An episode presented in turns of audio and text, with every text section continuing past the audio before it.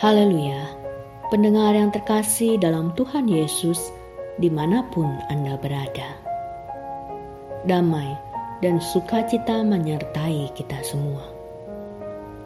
Renungan sau bagi jiwa yang disajikan gereja Yesus sejati berjudul Orang Suku Enak. Dalam nama Tuhan Yesus, membacakan renungan firman Tuhan. Juga, kami lihat di sana orang-orang raksasa, orang enak yang berasal dari orang-orang raksasa. Dan kami lihat diri kami seperti belalang, dan demikian juga mereka terhadap kami. Bilangan 13 ayat 33 Sebagai Allah yang maha tahu, Allah tahu betul keadaan negeri Kanaan dan orang-orang seperti apa yang diam di sana. Lalu, mengapa Allah masih menyuruh Musa mengirim orang untuk mengintai negeri itu? Menurut saya, ini adalah ujian Allah terhadap iman bangsa Israel. Ternyata benar, dari kedua belas pengintai itu ada yang beriman penuh kepada Allah, ada yang sama sekali tidak percaya kepada Allah. Yang beriman adalah Kaleb dan Yosua. Apa pun yang mereka lihat, mereka selalu melihat Allah. Karena itu, mereka menentramkan hati bangsa itu dan berkata, "Tidak, kita akan maju dan menduduki negeri itu, sebab kita pasti akan mengalahkannya.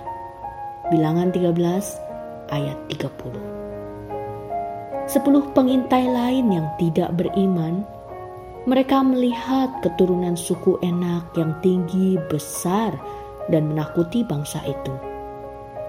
Kita tidak dapat maju menyerang bangsa itu karena mereka lebih kuat daripada kita bilangan 13 ayat 31.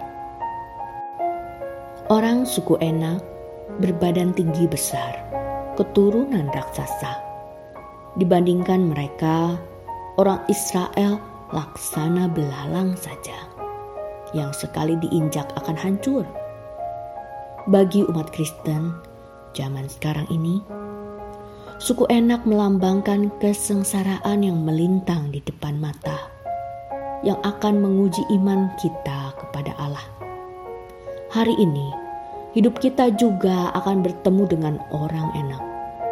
Kesulitan apa pun yang kita hadapi, selalu ada saja bayangan orang enak ini, baik di rumah, di gereja, di tempat kerja, di masyarakat, bahkan di dalam hati kita mereka selalu berulah dan tidak mau beranjak.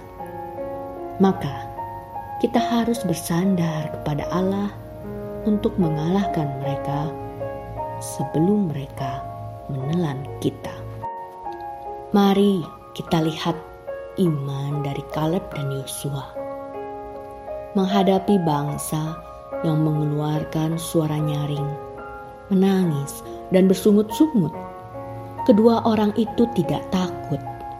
Sebaliknya, menguatkan rakyat dengan berkata, "Yang melindungi mereka sudah meninggalkan mereka, sedang Tuhan menyertai kita. Janganlah takut kepada mereka." Bilangan 14 ayat 9. Sekalipun rakyat tidak mau mendengarkan dan mengancam hendak melempari mereka dengan batu, mereka tetap bertahan. Sampai kemudian tampaklah kemuliaan Allah memenuhi kemah pertemuan di hadapan semua orang Israel.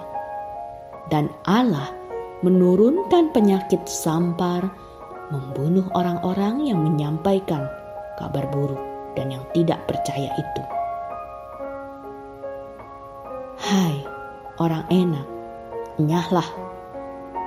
Aku orang yang percaya dan yang bersandar kepada Tuhan di hadapan Tuhanku, kamu bukanlah raksasa, tetapi hanya semut saja.